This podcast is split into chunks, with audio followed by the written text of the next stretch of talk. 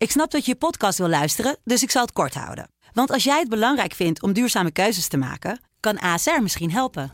Nou hoor ik je denken, hoe dan? Nou, bijvoorbeeld bij het duurzaam herstellen van schade. Of de premies die we beleggen volgens ons duurzaam beleggingsbeleid. Dat bepaalt waar we wel en juist niet in investeren.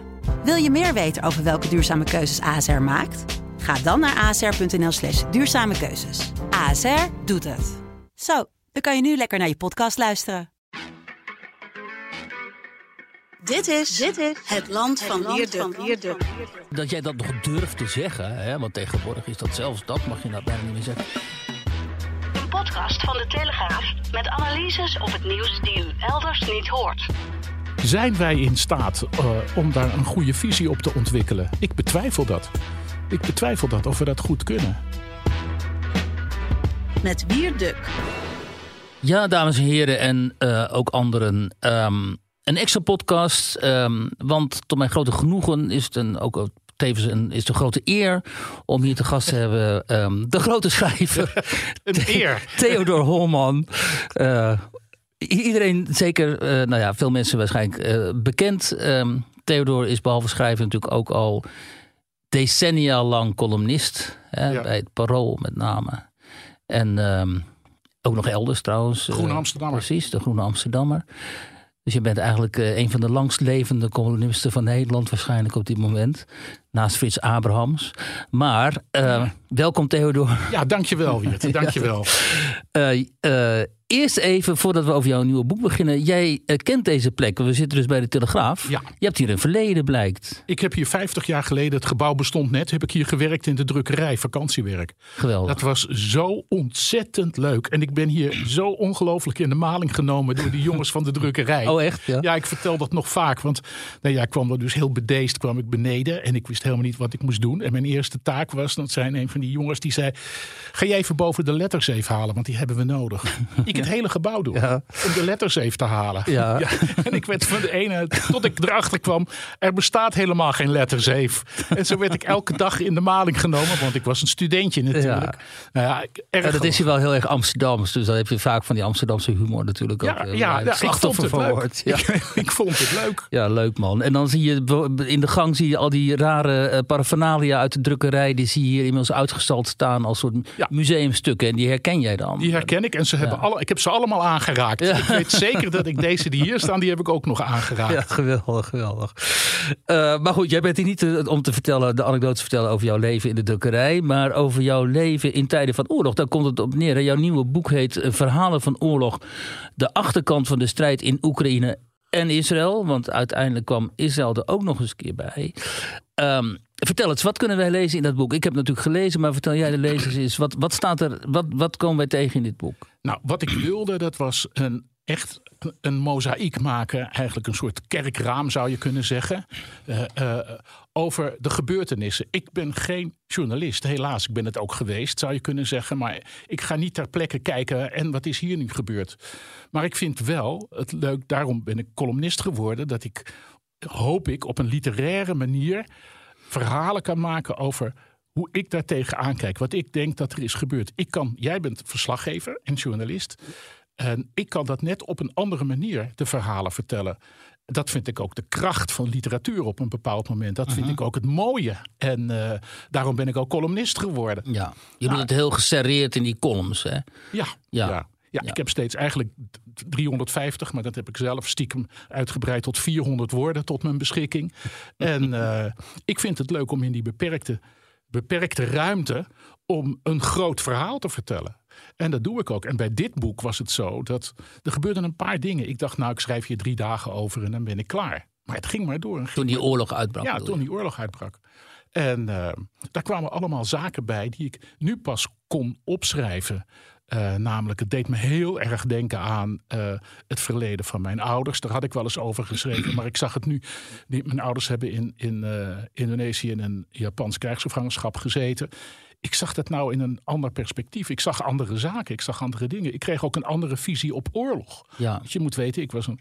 Ik, ik was een zeker toen ik hier werkte in die tijd, was ik een ongelofelijke fanatieke, fanatieke linkse lul. Hè? Ja. Echt waar. En, was je pacifist? Uh, ik was pacifist. Ja, ik was ja. echt pacifist. Ja. En um, eh, eh, ja, dat is nu echt, je kan wel zeggen, totaal veranderd. Ik heb Ja. nou de visie van mijn vader gekregen. De, aan wie ik altijd een hekel heb gehad dat hij zo streng was. Maar zo gaat het met ons allen als we ouder worden. Even over de vorm. Het is niet een verzameling columns, hè? Nee, nee, nee. Nee, ik, ik wilde echt een, eh, een mozaïek maken. Ja. Ik wilde echt eh, met allerlei steentjes, allerlei kleine gedachten, allerlei filosofietjes, sprookjes, mythes, eh, verhalen, kleine verhalen, grote verhalen. Die wilde ik allemaal in één, in, in, in één pakketje hebben. Ik, ik hou van dat soort boeken. Ja, maar dat leest bijna als een dagboek, hè, deels. ja, ja, ja. ja. ja. En ehm, goed, dan weten mensen dus eh, wat ze eventueel eh, aanschaffen. En eh, wat jij al eerder, wat jij nu net hebt gezegd. In dit boek ehm, staat vooral de oorlog in Oekraïne natuurlijk eh, centraal. Maar daartussendoor loopt die geschiedenis van jouw ouders. Ja, En ja. ehm, wat opvalt is, hoe zeer jij vooral ook die oorlog in Oekraïne naar jou toetrekt. Nou kun je zeggen, ja, dat is misschien een literaire, literaire eh, eh, handgreep ook om erover te kunnen schrijven. Maar je wekt de indruk dat wat zich daar afspeelt daar in Oekraïne, eh, dat dat werkelijk ook jou uit je slaap houdt, bijvoorbeeld. Hè? Dat is zeker Je gaat dan met je hondje lopen. En Ja, ehm, ja. hoe kan dat? Hoe, waarom heeft dit zo'n enorm effect op jou? Ja, ehm, eh, eh, ik, ik zal u dat verklaren, dokter. Nou, graag. Daar zijn we hier voor.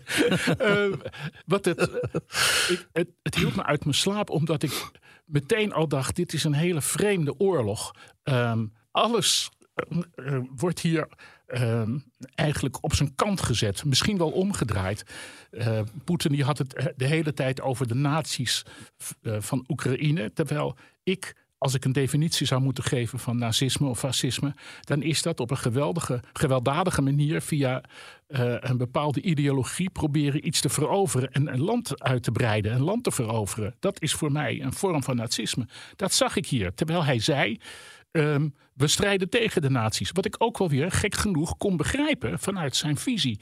Dus al die rare idealen die stonden tegenover elkaar en daar moest ik over nadenken en ik maakte me daar zorgen over. Ik, ik heb het wel gevolgd, die hele st- toestand van alles. En ik maakte me daar echt zorgen over. Het hield me uit mijn slaap. Het interessante is ook dat jij eigenlijk dat hele denkproces beschrijft. Dan op een gegeven moment, nou niet op een gegeven moment, door het hele boek heen loopt telkens die twijfel of de ene aanname niet net zo sterk is als de ander. Ja, precies. Dan zeg jij, ja, Poetin is een schurk. Maar ja, vanuit, eh, daar komt dan op neer. Maar vanuit Russisch pers- pers- perspectief is er ook wel wat voor te zeggen voor zijn standpunt. Ja, dat klopt. Ik, ik begrijp wel, en ik begrijp het niet. Ik begrijp wel waarom al iedereen of veel mensen achter Poetin staan in Rusland. En tegelijkertijd begrijp ik het niet. Dit boek gaat voor mij, toen ik het weer moest lezen, om de drukproeven na te kijken. Toen dacht ik, het gaat eigenlijk ontzettend veel over moraal. Misschien wel te veel, maar het gaat over moraal. Wat is goed en wat is slecht? En ben je daarachter gekomen? Nou ja, in. Daar doen we meestal een heel leven over. Ja, ah, het heeft het moraal eh, eh, is eigenlijk niks. Het, ehm, eh, het heeft geen zin. Eh, het is eigenlijk zeer subjectief. Hetzelfde geldt wat je nou ziet in eh, Israël en Gaza. Daar doet zich hetzelfde voor eh, in, die, in die oorlog. Ik begrijp Israël heel goed. Wat daar gebeurt, dat begrijp ik echt heel goed. Maar je begrijpt natuurlijk ook Hamas, als die vanuit dat idealisme wat zij hebben heel goed, dat ze dat niet willen. Ja, wat is dan wie heeft de juiste moraal? Maar de vraag is of je die bloeddorst van Hamas nog idealisme kunt noemen, toch?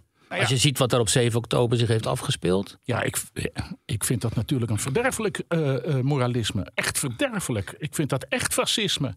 Maar jij zegt ook, iedere dictator is ook een idealist. Dus misschien Ja. zeg je het, definieer dat op een andere manier, dat idealisme. Nou, wat ik bijvoorbeeld aan Poetin zo interessant vind, eh, dat is die figuur van Dugin, die filosoof. Mhm. Door wie Poetin zegt hij zich heeft laten inspireren. Als je je even, er is net weer een boek over hem verschenen, in die man verdiept.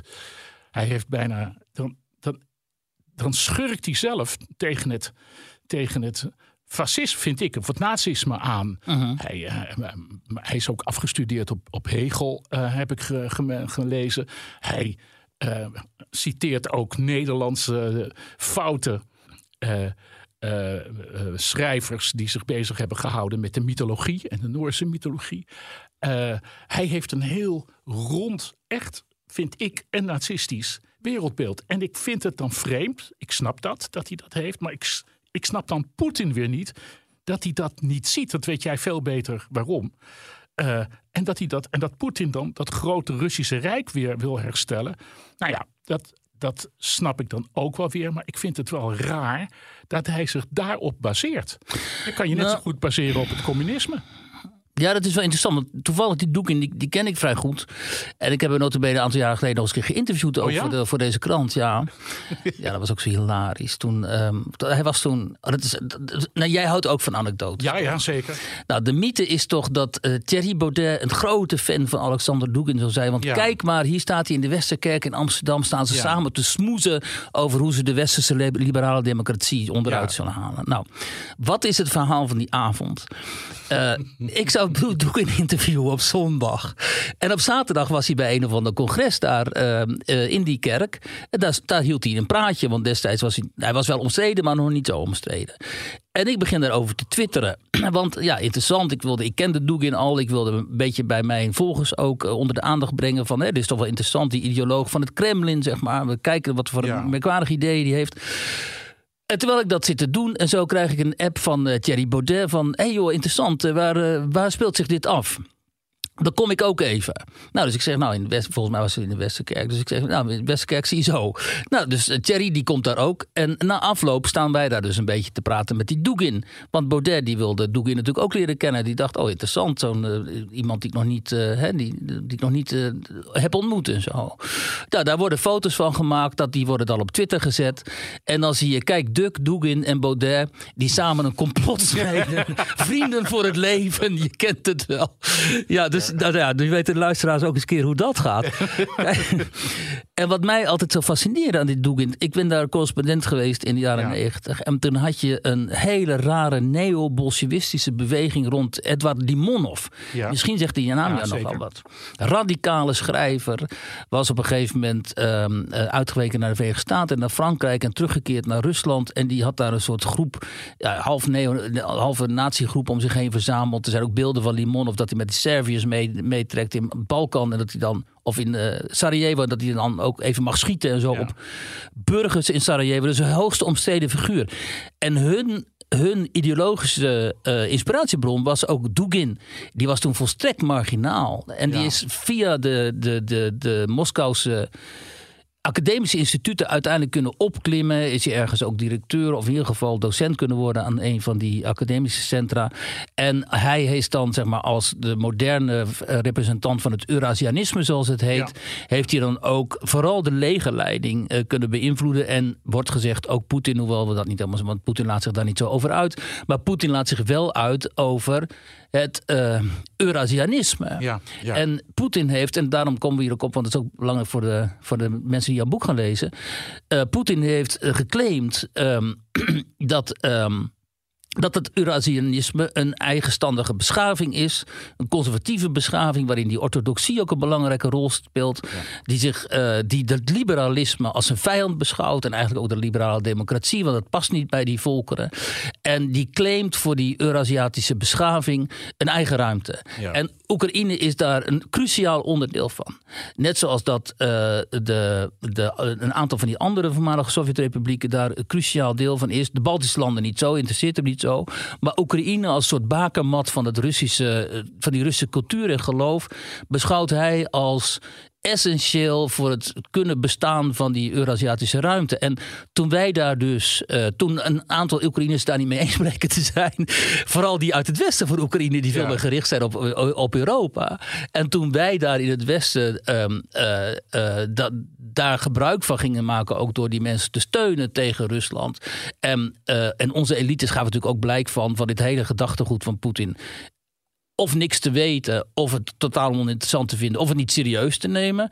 Ja, toen was dus de boot aan. Toen kreeg je echt een. Je hebt hier echt ook te maken met, los van een veroveringsoorlog en een ordinaire proxyoorlog tussen Amerika en Rusland, heb je ook te maken met een beschavingsoorlog. Nou ja. En althans, zo, zo ziet Poetin het. Hè?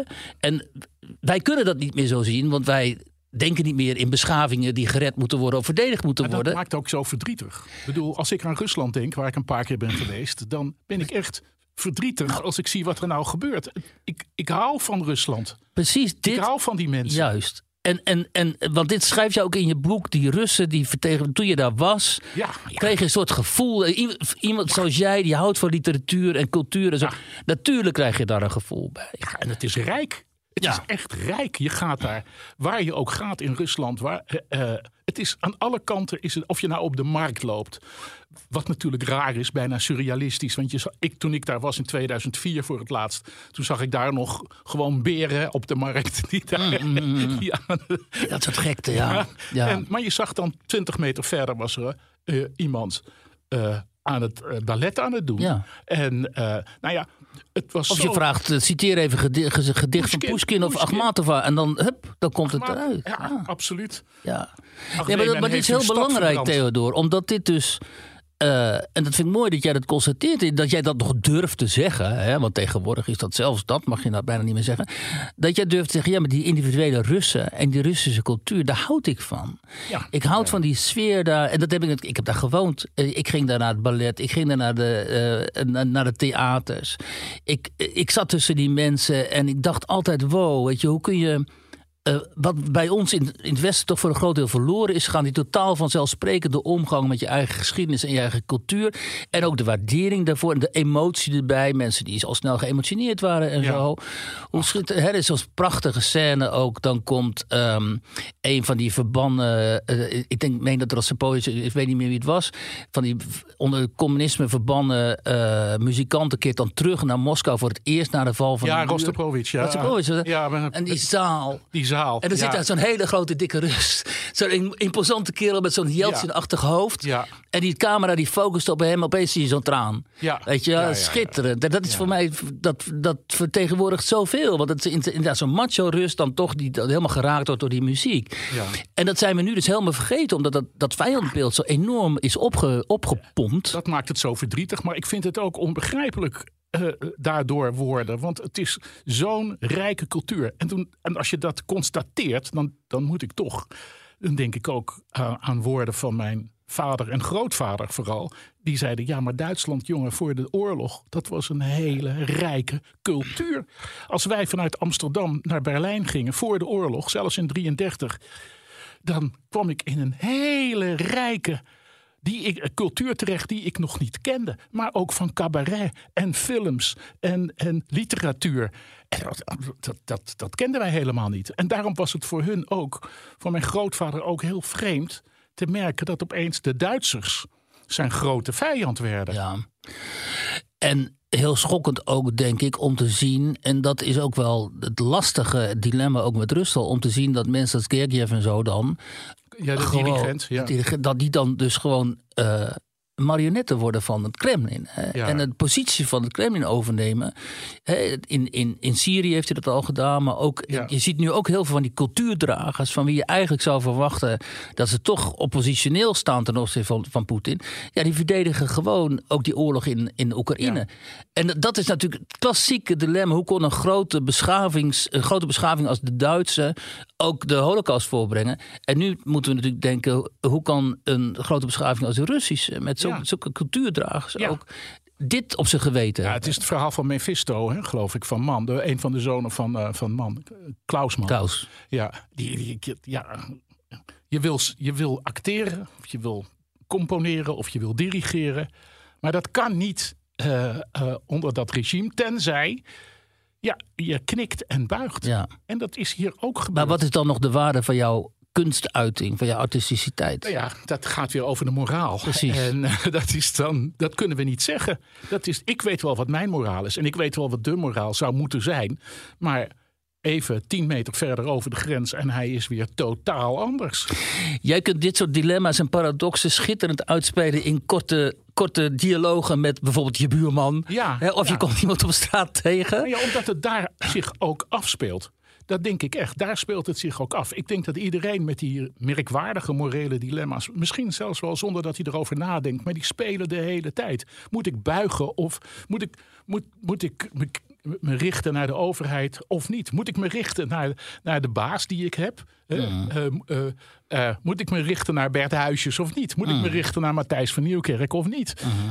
nou, interessant, dus, Matthijs ook. Je hebt hem meegemaakt als ja. hoofdredacteur. Je hebt nooit die uitbarstingen van hem gezien. Die, Nee. die- waarover nu zoveel gesproken Ik wordt. ben Sven Kokkelman van het Parool. Ja, Ja, ja. dus dan zie je al. eh, ja, Sven heeft het ook. Die heeft niks slechts over Bert Huisjes gehoord. ja, mooi hè? Ja, het-. Nee, dat heb ik. Dat, dat, eh, Matthijs vond ik heel inspirerend. Ik heb wat problemen met hem gehad. En ik heb ook wel eens, godverdomme klootzak en lul. Je bent een enorme lul, heb ik tegen hem gezegd. Ik ben ook wel eens met hem op vakantie geweest. maar, eh, Vervolgens. Nee, nee, was daarna. Nee, ik had wel een groot probleem met hem bij AT5. Eh, toen hij daar anderhalf jaar geloof ik directeur was. Of eh, hoofdredacteur, Ja. dat weet ik niet meer. En, ehm, eh, maar, maar ja, god, dat, dat, ik heb hem nooit kunnen betrappen op wat, wat hem nou verweten wordt bij De Wereld Draait Door. Het is misschien ook een heel ander, een heel ander iets. Maar bij het Parool was hij buitengewoon inspirerend. Ja. Nee, Buitengewoon inspirerend. die kan hem toen gewoon echt weer op de kaart gezet hè, toen hij daar de baas was. Dus hij, hij Ja. kan natuurlijk gewoon heel veel. Ja. Ja, maar nu gaan we buiten de context van Ja, jouw boek. Maar deze kwesties van moraal, die spelen... eh, Die spelen dus overal, ja. dat wil ik maar zeggen. Ja, maar vertel ons over jouw ouders. Want die, die oorlog in de Oekraïne, die roept dus bij jou die beelden op van die vreselijke of de tragische geschiedenis van jouw ouders ook.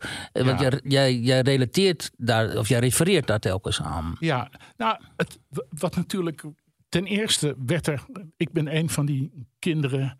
Een eh, pinda ben je. Ja, pinda. En mijn ouders die praten helemaal nooit over die oorlog. Natuurlijk wel, maar ook niet rechtstreeks. Als ik vroeg, eh, en hoe was het daar? Oh, nou, ehm, ja, daar heb ik nou geen tijd voor, want ik moet koken, zei ja, mijn moeder dan. ja. En, eh, maar ik merkte wel dat het ze enorm aangreep. En ik weet ook wel wat er gebeurd was. Ik, ik weet in ieder geval dat beide heel erg gemarteld zijn. Dat beide- Vreselijk, ja, dat schrijf je. ja, die zijn echt, echt behoorlijk gemarteld. Mijn moeder had er gewoon grote littekens van. En mijn vader ook. Dat moet het besef dat je moeder is gemarteld, moet echt een horror zijn. Ja, maar, ja dat, dat is ook. Maar je- wat, wat, het- het is ook vanzelfsprekend omdat je ermee bent opgegroeid. Ja. Dus je weet niet beter. Je bent drie of vier. Je van mama, wat is dat? Dat is een litteken. Ja, en dan ja. vraag je hoe komt dat?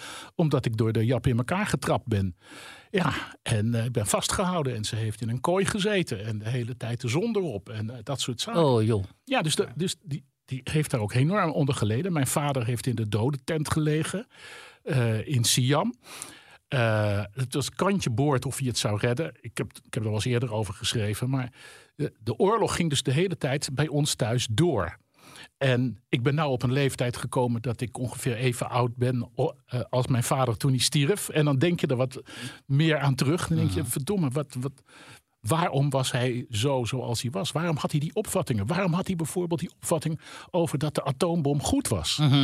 En waarom had, had hij de opvatting over, ik was dus eh, pacifist, waarom had hij de opvatting dat ik het leger in moest? Hoe kan dat nou? Hij had het kwade gezien. Hij had het kwaad echt absoluut in de bek gekeken, Ja. zoals het tegenwoordig wordt. En hij wilde mij daarvoor beschermen. En hij, wilde, eh, eh, hij wilde Nederland daar ook voor beschermen. Hij was alles kwijtgeraakt. Hij was Indië kwijtgeraakt.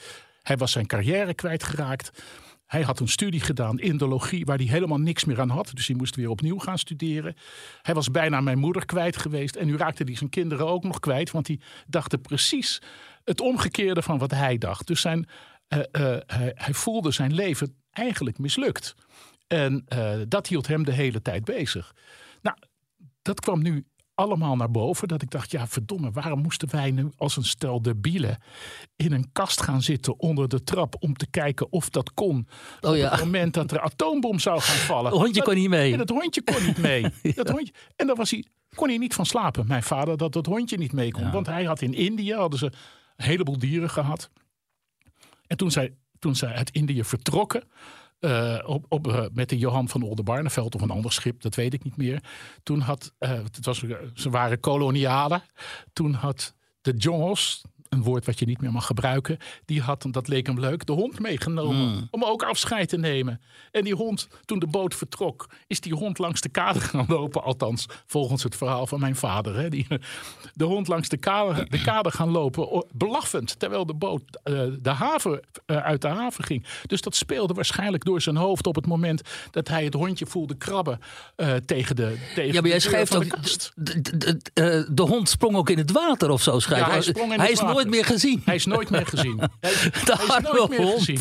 Ja. Het einde van het verblijf. Het einde in- van het verblijf in Indië werd Ja. gesymboliseerd door een hond. Die Ja. zo graag wilde dat mijn ouders bleven. En bij mijn ouders wilde zijn. Dat hij in het water sprong. Ja, ja, ja. Vertel nog even, wat was de positie van jouw ouders daar? Dat mensen kunnen de, de context begrijpen. Mijn vader was, die had dezelfde positie zou je kunnen zeggen als Multatuli. Namelijk hij was assistent-resident.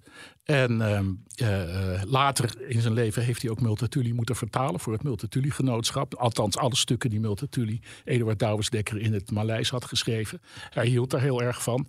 En hij was dus echt een, eh, een, een, echt een koloniaal. Die, Ja. die, en ik, ik, ik heb nou zijn papieren en die lees ik wel eens door. En het, het, verandert ook wel mijn beeld over het kolonialisme. Ik heb hem dat vroeger heel erg kwalijk genomen. Maar je hebt ook, mijn vader was nog voor de oorlog een zeer gelovig man, Neder-Duits hervormd. En hij wilde echt het beste. Hij had echt het beste met de bevolking voor. En eh, met grote aandacht voor de, voor de mensen die het het slechtste hadden. Daar waar hij eh, de baas over was, zal ik mij maar zeggen. Hij richtte scholen op. Hij zorgde voor een cultureel leven samen met mijn moeder. Mijn moeder heeft daar toen een balletschool opgericht. Eh, nadat de school was opgericht, kwam er nog een school speciaal voor de Chinezen. Dus Hele goede mensen eigenlijk. Achteraf denk ik zeker dat het hele. het- mij doet het altijd pijn als ik enorme kritiek hoor op hoe erg dat kolonialisme was. Dan denk ik, ja, het- wat zij wilden was een shortcut eh, naar de beschaving. Dat mag je allemaal niet meer zeggen. Het zal me wel kwalijk genomen worden, maar dat interesseert me niet. Dat Ja. was wat ik dacht. Een shortcut naar de beschaving. Wij hebben zoveel te danken aan onze beschaving. Een mooi geloof, hè, het christendom en eh, een goede economie. Nou, We brengen het nu naar deze We wilden. brengen het nu en dat doen we een beetje Ja. snel. En eh, dat is mooi. Ja. Ja, dat, dat, en ik kan hem dat niet kwalijk nemen. Ik, niks. En heb je achteraf spijt van die rebellie in jouw jeugd? Want je had dus eh, ouders met een heel getormenteerd verleden. Ja. En toen gingen jullie ook nog eens een keer rebelleren daartegen. En denk je nu van, eh, misschien had het toch wat milder moeten zijn? Of, ehm, Absoluut. Absoluut denk ik dat ik... eh, ik ik kon toen op 16, 17, 18-jarige leeftijd niet bevroeden wat ik zou denken op mijn eh 67, 68, 69ste, 70ste, et cetera. Ja. Dat weet je niet. En, en je ziet daardoor, doordat je daarover reflecteert, nadenkt, dan zie je wel eh, eh, wat er nu gebeurt op een veel duidelijker manier.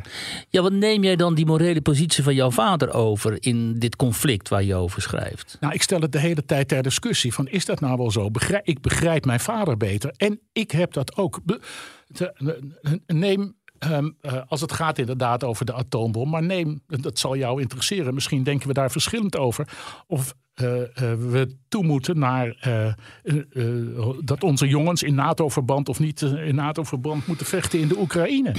Ja, dat vind ik een, een groot probleem. Dat vind Ja. ik voor mezelf ook een probleem. Ik heb ook een kleinkind. Ja, ik En ik- vind dus van niet. Ik, wil- ja, nou, ik, dat is een dilemma, ook een moreel dilemma, waar ik niet goed uitkom. Want wat wil ik? Wil ik dat die oorlog snel afgeloopt? Eh, wil ik dat met de consequentie of de mogelijkheid? Ik ben benieuwd hoor naar, eh, jouw opvatting. Ik weet jouw opvatting trouwens wel, maar ehm, eh, moeten we daar toch niet sneller een eind aan maken? We willen beide dat daar vrede komt, zo snel mogelijk. Ik ben wel bereid om, om dingen in te leveren, maar ik denk niet dat Zelensky daartoe bereid is.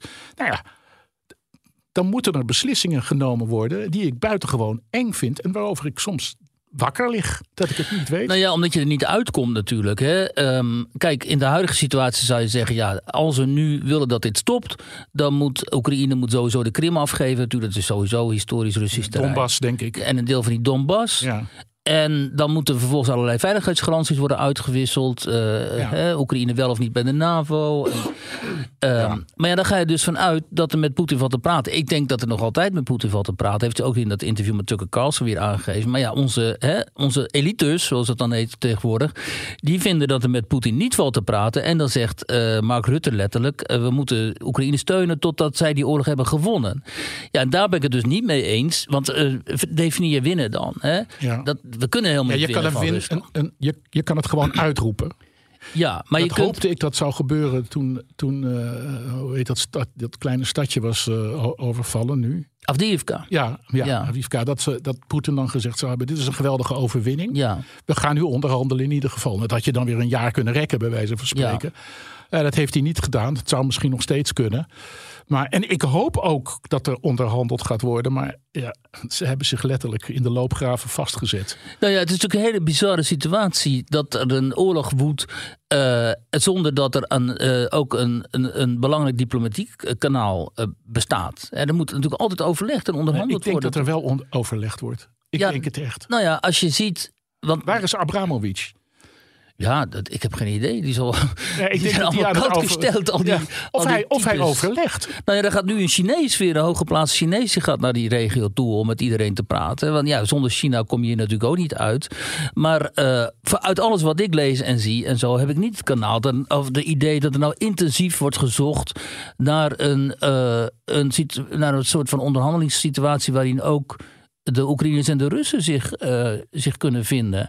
En, uh, en dat is natuurlijk heel gevaarlijk. Dat beschrijf jij ook. Ja. Omdat we, om, je komt in een soort eigen dynamiek. die uiteindelijk inderdaad naar momenten toe gaat. Zoals deze week dat dan Macron zegt. we kunnen grondtroepen niet uitsluiten. En die Nederlandse commandant der strijdkrachten zegt dat dan ook. Hè, als, als Ja. ultieme uh, positie. Ja.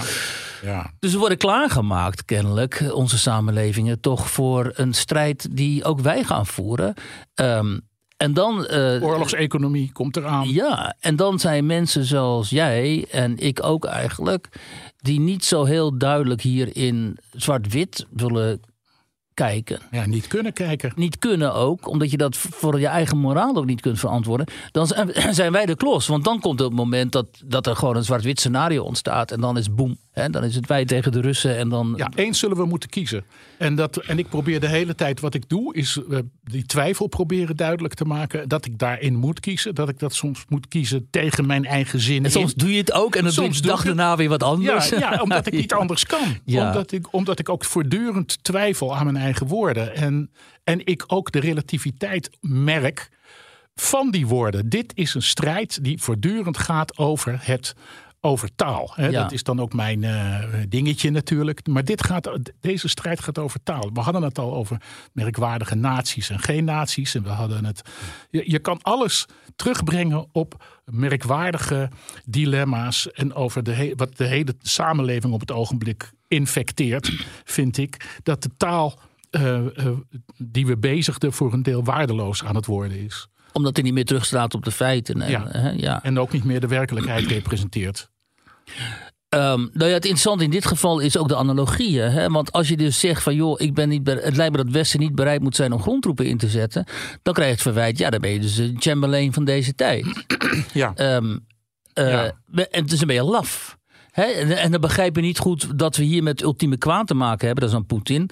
Net als Hitler. Poetin is Hitler. Dat is ook de taal. Hè? Poetin, is, Ja. Poetin is Hitler. En dan, dan moeten we dus wel iets doen. Want anders uh, ben je een mede-ondermijner van, van je eigen beschaving, je eigen Misschien leven. moet dat. Misschien moet dat. Maar we, ik, ik vind wel dat je de plicht. Nou ja, we hebben helemaal geen plichten. Maar in ieder geval moet proberen duidelijk te maken. waar die, waar die kantelpunten en die breekpunten en de twijfels liggen. En, en dat het vaak een kwestie is van formuleringen. En dat je. Kijk, die toespraak van Macron. Ik ben heel benieuwd wat jij daarvan vindt. Die toespraak van Macron. Die, die heb ik gezien als iemand die een, niets anders doet dan een. Die, die, die heeft een pruim gegeten en die haalt die pit uit zijn mond en die gooit die uh, op, uh, op de grond. En dan gaat hij kijken of er een plantje uit ontstaat. Ja, of er een pruimenboom Ja, uit ontstaat. Dat denk ik. Hè, dat Maar aan de andere kant, ja, die pruimenboom die kan wel ook inderdaad ontstaan. En dan op een gegeven moment zitten we in een oorlog. Ja, en, dat, en het vreemde natuurlijk is dat Macron dit zegt. En dan moet vervolgens Olaf Scholz, die dus met een bevolking te maken heeft die vele malen pacifistischer is dan de Fransen waarschijnlijk. Ja. Die moet het dan weer gaan. eh, ja, precies. Hè? Ja, En die moet dan weer zeggen: nee, geen sprake van. NAVO zal geen grondtroepen sturen. Zo. Dit wordt geen, geen, wij worden geen partij in deze oorlog. Terwijl we dat al lang zijn, natuurlijk. Dus ja, ehm, misschien, kijk. ehm, misschien is het wel. Misschien is jouw boek daarom wel een perfect verslag van deze tijd. Om, om, omdat we in de aanloop naar wat misschien wel die oorlog wordt. het immers nooit weten. Nee. En, en dat heb je ook gezien in de aanloop naar de Tweede Wereldoorlog natuurlijk. Wie kon bevroeden in 37, 38 dat het die kant op zou gaan? Alleen een paar visionairs die dan ook vervolgens uit Duitsland vertrokken en zeiden er komt een hele grote oorlog aan. Ja. Ja, het aantal mensen dat bleef of het aantal Joden dat bijvoorbeeld weliswaar uit Duitsland vertrok, maar dan zich toch maar hier in Nederland vestigde en zo. niet begreep je moet naar Amerika. ja. Omdat dat was nog niet duidelijk in dit. En misschien is dit wel hetzelfde tijdsgewricht. Ja, we kunnen het. Ja, ik ben daar bang voor dat we in hetzelfde tijdsgevricht zitten. We kunnen daar geen goed. Zijn wij in staat eh, eh, om daar een goede visie op te ontwikkelen? Ik betwijfel dat. Ik betwijfel dat of we dat goed kunnen. Maar dan kan Mark Rutte dat ook niet. En, en Nee, Olaf Scholz nee, ook niet. Nee, die kan dat niet. Al die Nee. mensen die zo zeker zijn van wij vechten, Oekraïne vecht voor onze waarden en onze beschaving. Nee, dat kan niet. Want het, de beschaving van ons is precies hetzelfde als de beschaving van de Russen en de Oekraïners, bij wijze van spreken. Ze hebben dezelfde liefhebberijen, dezelfde, bedoel, ze hebben dezelfde cultuur. Ja. En ehm, eh, dat maakt het zo moeilijk. Dat maakt het zo ongelooflijk ingewikkeld. Ik ben, ik, ik, ik ben ook voor Oekraïne. Ik wil dat Oekraïne wint. Ja. Maar ehm, dat neemt niet weg dat ik enorm twijfel of de route naar die vrede en naar die winst, of dat de goede route is. Dat weet ik niet. Door maar te blijven bewapenen en wapens Door maar te te blijven blij- ja, dat weet ik niet. Dat, Ja. dat weet ik gewoon niet. De hele tijd denk ik van. eh, wat zou, en ik schrijf er ook wel eens over hoor, vooral later. Wat zou ik doen als ik generaal was? Wat zou ik doen als ik politicus was? Dat zijn echt vragen die ik wel interessant vind. Ik vind dat iedereen, jij en ik, we moeten allemaal politicus kunnen worden op een bepaald moment. Maar dan wordt er iets van ons gevraagd. Hoe groot is de druk dan van Europa? Hoe groot is de druk dan van, van Oekraïne, van Zelensky, maar ook van Poetin, van Amerika? Wat doen wij als we in een stoel tegenover Trump zitten of Biden zitten? Kijk, je moet hier bijna dan, als je hier eh, absolutistische uitspraken over wil doen, over wat we moeten doen, dan moet je ideologisch zijn. Hè? Kijk, jij hebt je in het verleden bijvoorbeeld ook veel bezig gehouden met eh Sartre en eh, de hele omgeving. Ja, En Sartre en Camus, die schitterende tweestrijd tussen die twee. En Ja. Sartre werd van die twee de ideoloog en Camus meer de schrijver. ja, En Sartre wist op een gegeven moment heel goed aan welke kant hij moest staan, namelijk aan de kant van links. ja. En dat was zijn keuze. Ja. Terwijl Camus had er twijfels over en die was veel autonomer, veel meer een individualist. Had een hekel aan de communisten. een enorme ook. hekel aan die communisten. Ja. En dan zie je dat in de geschiedenis die positie, net als eh, Raymond Aron bijvoorbeeld, die, Zeker. die grote, eigenlijk een veel groter denker dan, dan Sartre. Mon petit ami, zei Sartre over Precies. Ja. Maar Aron die, die verdween in die eigenlijk in die hectiek van die geschiedenis, omdat die geschiedenis zo enorm. ehm, eh, hoe heet dat? Digotoom werd, zeg maar. Het Ja. werd echt links tegen. Hè, Ja, links nam in feite gewoon in de cultuur althans de macht over. Dus mensen als die Aron en zo, die werden gewoon vermorzeld. Daar kwam het op neer. Hè? Ja, dat vind ik dus ook vreselijk, want dat is wat ik hier ook zie gebeuren. Precies. Dat zie ik echt hier gebeuren. En, en eh, ik, ik denk dat dat ook weer te maken heeft eh, eh, met taal. Kijk, Sartre, die ik zeer bewonder trouwens hoor, die had ehm, niet het, denk ik niet het gelijk aan zijn kant, maar wel de formuleringen aan zijn kant van een eventueel gelijk. Hij zei bijvoorbeeld: Ik ga uit van eh, de mensen die het het, die het, slechtste hebben. Van de minderheid ga ik uit, van de minderheden ga ik uit. Maar ehm, wa- wat hij dan, hoe hij dat dan wilde bereiken en wat er dan zou moeten gebeuren, daar hield het bij op. Ja, maar hij ging wel fellow travelen En in, hij- in de China en de Sovjet-Unie. Dat wilde hè? ik net zeggen. Dus we gingen lekker naar Cuba. Ja, hij ging lekker naar China. Ja. En, hij ging, en tegelijkertijd ging hij ook naar Amerika. Ja. Om, om eens daar te zien hoe dat, hoe dat ging. Ja, weet je, hij, het, het waren grappige en mooie ideeën. En nog steeds vind ik het schitterende formuleringen. Wat ik trouwens ook vind van Marx. Als je dat, als je dat leest, dan denk je: Goh, wat indrukwekkend. En ik, ik heb het intensief gelezen. Wat indrukwekkend. Ja, zo moet de wereld zijn. Nou, dat is verschrikkelijk. Maar hij bleef uiteindelijk de bourgeois die zich aan de kant zogenaamd van de arbeiders opstelde. Ja. En dat is wel een goed punt, vind ik, ook in deze kwestie. Want dat is wat iemand als Ewald Engelen altijd benadrukt.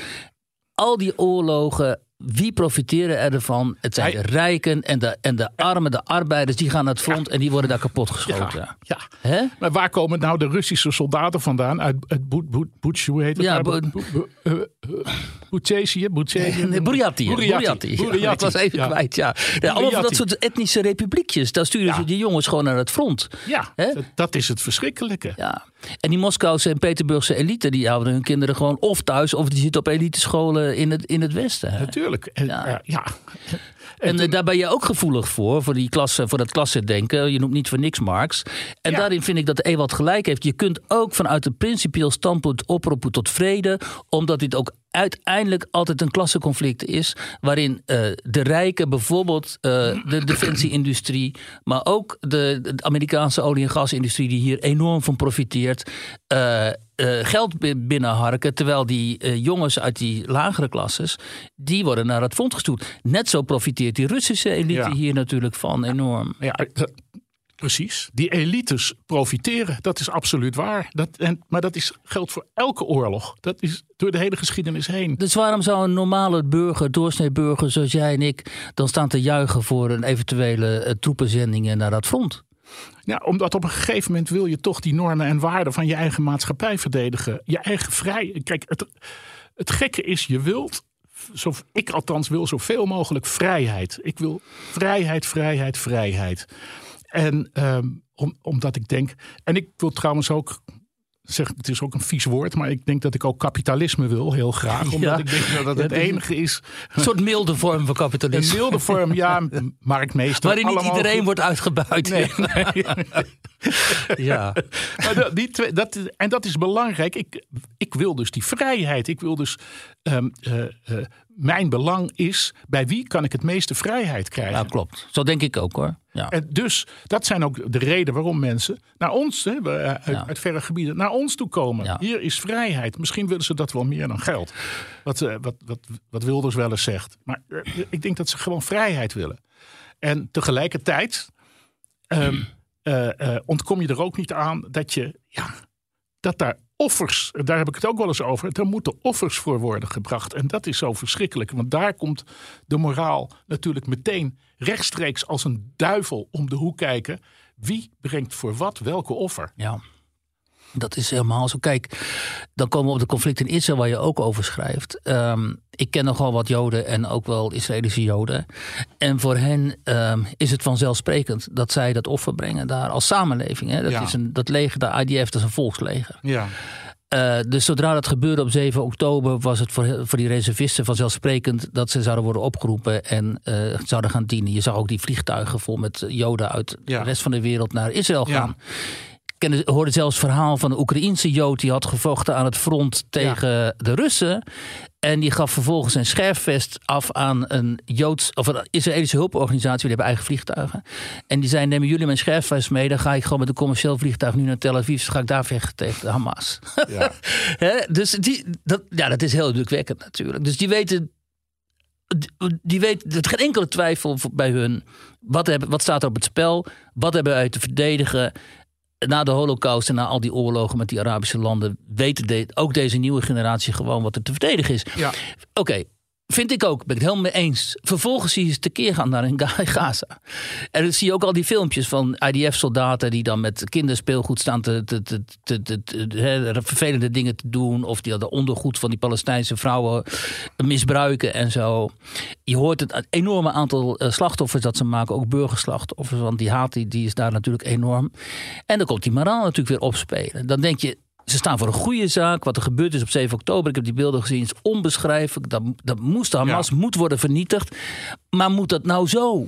Nou ja, het kan niet anders, want het is oorlog. En daar ben ik echt van overtuigd. Oorlog is het constant plegen van oorlogsmisdaden. En het heeft geen zin. Oorlogsrecht heeft geen zin. Dat bestaat niet, want je wil een oorlog. Je voert een oorlog om hem te winnen. En eh, je moet dan wel formuleren wat winnen is. In dit geval is er een duidelijk doel gesteld, namelijk het totale vernietigen van Hamas. Ja. Waarbij ze zich spiegelen, eh, de Israëli's, aan de doelstellingen van Hamas, namelijk de totale vernietiging van Israël. En eh, dan, wordt het een, dan wordt het een strijd op leven en dood. En dan in feite, ja, we weten het, dan worden er afgrijzelijke oorlogsmisdaden gepleegd.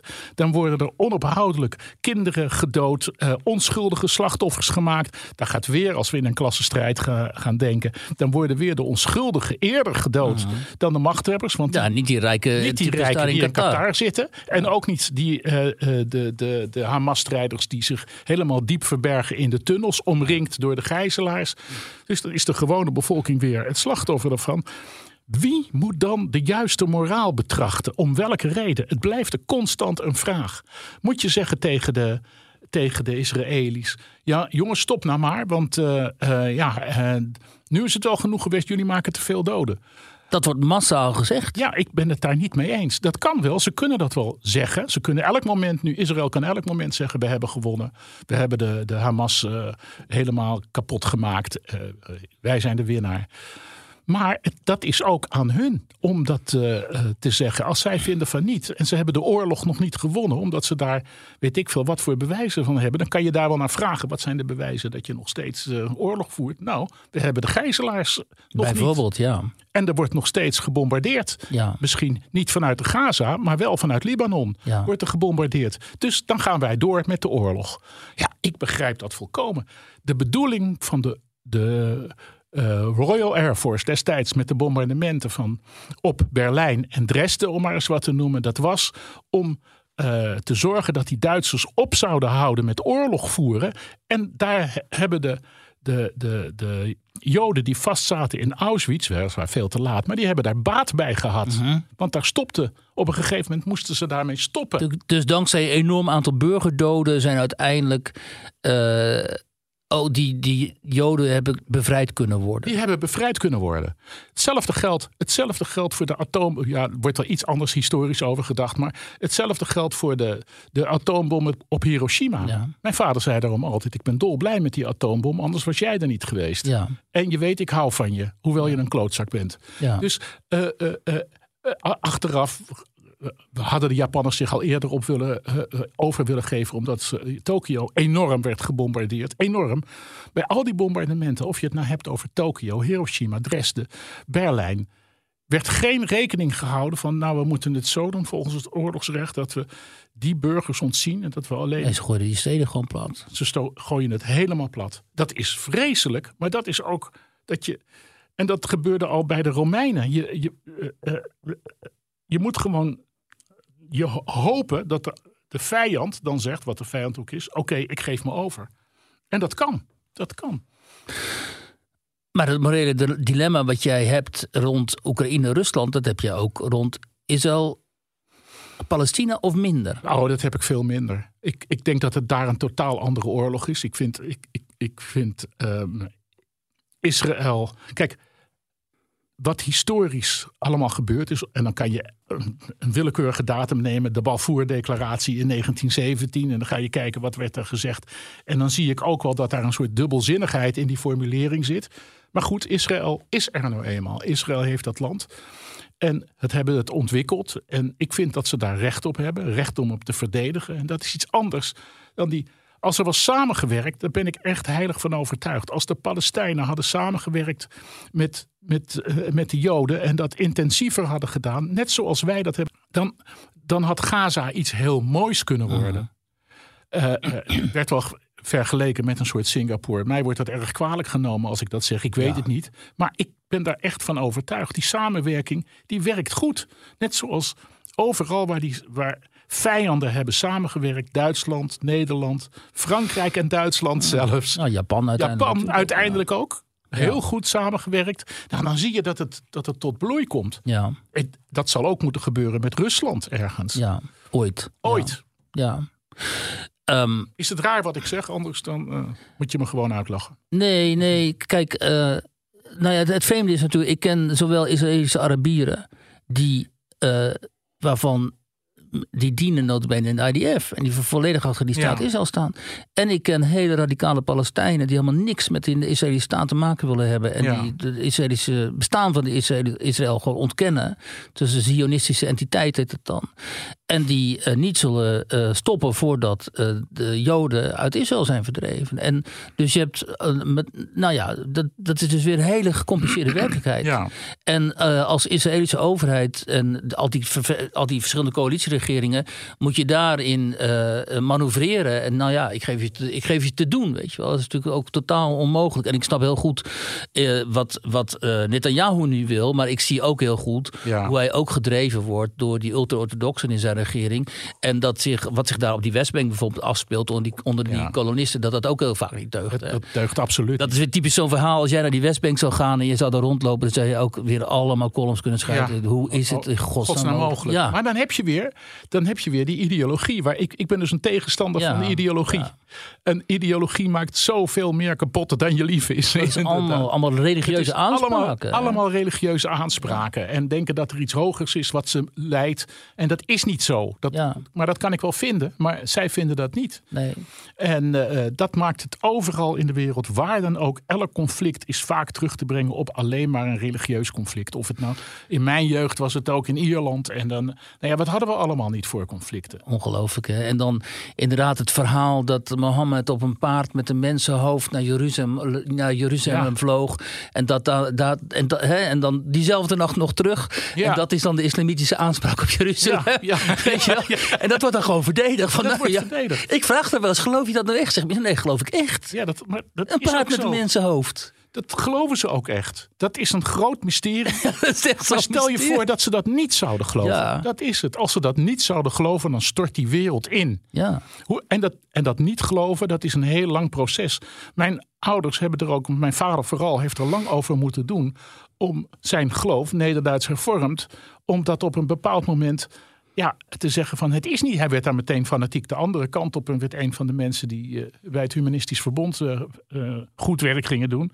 Maar het kon niet anders. Dat is een heel lang en moeilijk proces voor hem geweest. Ja. Altijd gepaard gaande met grote schuldgevoelens. Ja. Want stel, Ja, en het levert dan uiteindelijk een zoon op zoals jij, die dan, om op het boek terug te komen, eigenlijk door al jouw verhalen, door alles wat jou schrijft, schrijft ehm, zie je die eh, persoon die God heeft moeten verlaten natuurlijk, en toch op zoek is naar wat is nou goed en wat is nou kwaad. Wat is goed en wat is kwaad? Ja. En, dat de en daar wanhopig wordt en daarvan wakker ligt, om het gesprek enigszins rond te maken, dat daar geen goed antwoord over te geven valt. Ik, niemand weet het en niemand kan het weten. Maar dat is toch mooi, het is al een persoonlijke keuze. Dat is Het wordt jou niet opgelegd, jij moet een persoonlijke keuze maken, Ja, ik- telkens weer. Precies, ik moet persoonlijk weer. En, en dan weer Sartre. Je bent wat je van jezelf maakt. Ja. Hè? Je bent wat je kiest. Nou, oké, dus dan ben ik wat ik kies. Dat be- kan betekenen, Wiert. Dat kan betekenen dat ik over 30 jaar, als ik ben al lang dood, eh, eh, dat ze dan denken, dat ze dan mij lezen en zeggen, of niet lezen, denk ik eerder. Maar goed, bij wijze van spreken. God, wat stond die jongen aan de totaal verkeerde kant van de geschiedenis. ja, ja. Ben je daar bang voor? Nee, dat interesseert me niet. Nee. Want ik ben wat ik kies. Dus oké. ja, dat, is dan, dat is dan maar zo. Maar de kans bestaat, en dat, nou ja, we merken het elke dag als we onze Twitterfeed bekijken en zien hoe de mensen ons haten. Ja, omdat we aan de verkeerde kant Omdat van de we aan geschiedenis de zouden verkeerde staan. kant van de geschiedenis zouden staan. Ja, Maar dat zijn maar zo. Ik be- bedoel, ja, dat kan. ja, En, en, en eh, eh, ik sluit die mogelijkheid niet uit. Ik sluit die, Kijk eens naar mijn vader. Een keurige, echt een fantastische man. Een koloniaal. Ziek uit de oorlog gekomen. Niet helemaal goed bij zijn hoofd, dat geef ik toe. Maar die nu, door al die onderzoeken, zou hij als koloniaal totaal aan de verkeerde kant van de geschiedenis staan. ja, Daar ben ik boos over. ja, dat snap ik. ja. Snap je? Ja. En, en misschien is het wel zo, als ik die, maar het, eh, ik vind van niet. Dat hij niet aan de verkeerde kant van de geschiedenis stond. En uiteindelijk draait het natuurlijk daarom van eh, wat vind je er zelf van? En dan zeg jij van ja, ik vind van niet. Ik vind in mijn geval ook van niet, voor zover ik het kan overzien. Zo je eerlijk wil probeert uit te leggen en te Ja. zeggen: Nou ja, oké, vind je dat? Nou, dan gaan we maar eens eh, praten met elkaar. Precies, ja. En het heeft geen zin om te zeggen: van eh Wiert, ik vind jou en eigenlijk, eh, we gaan niet praten. Ik vind, je- laat ik eerst zeggen dat ik je een ongelofelijke lul vind. Gelukkig heb je dat niet gedaan. Want ik ga jou bedanken voor dit uh, geweldige gesprek, uh, ja, leuk, leuk. Heel veel dank hiervoor. En ik denk dat de mensen wel genoeg uh, inderdaad getriggerd zullen zijn om, zich, um, om jouw boek te gaan bekijken en het te gaan lezen, hopelijk ook. Ja. Dus heel veel dank dat je hier naartoe kwam. Aan de verkeerde kant van de geschiedenis. Hoe sta je aan de verkeerde noemen? kant van de geschiedenis? Theodor legt het uit. Nogmaals heel veel dank, Theodor. Ach. Dat je nog heel veel mooie boeken mag schrijven. Dank je wel.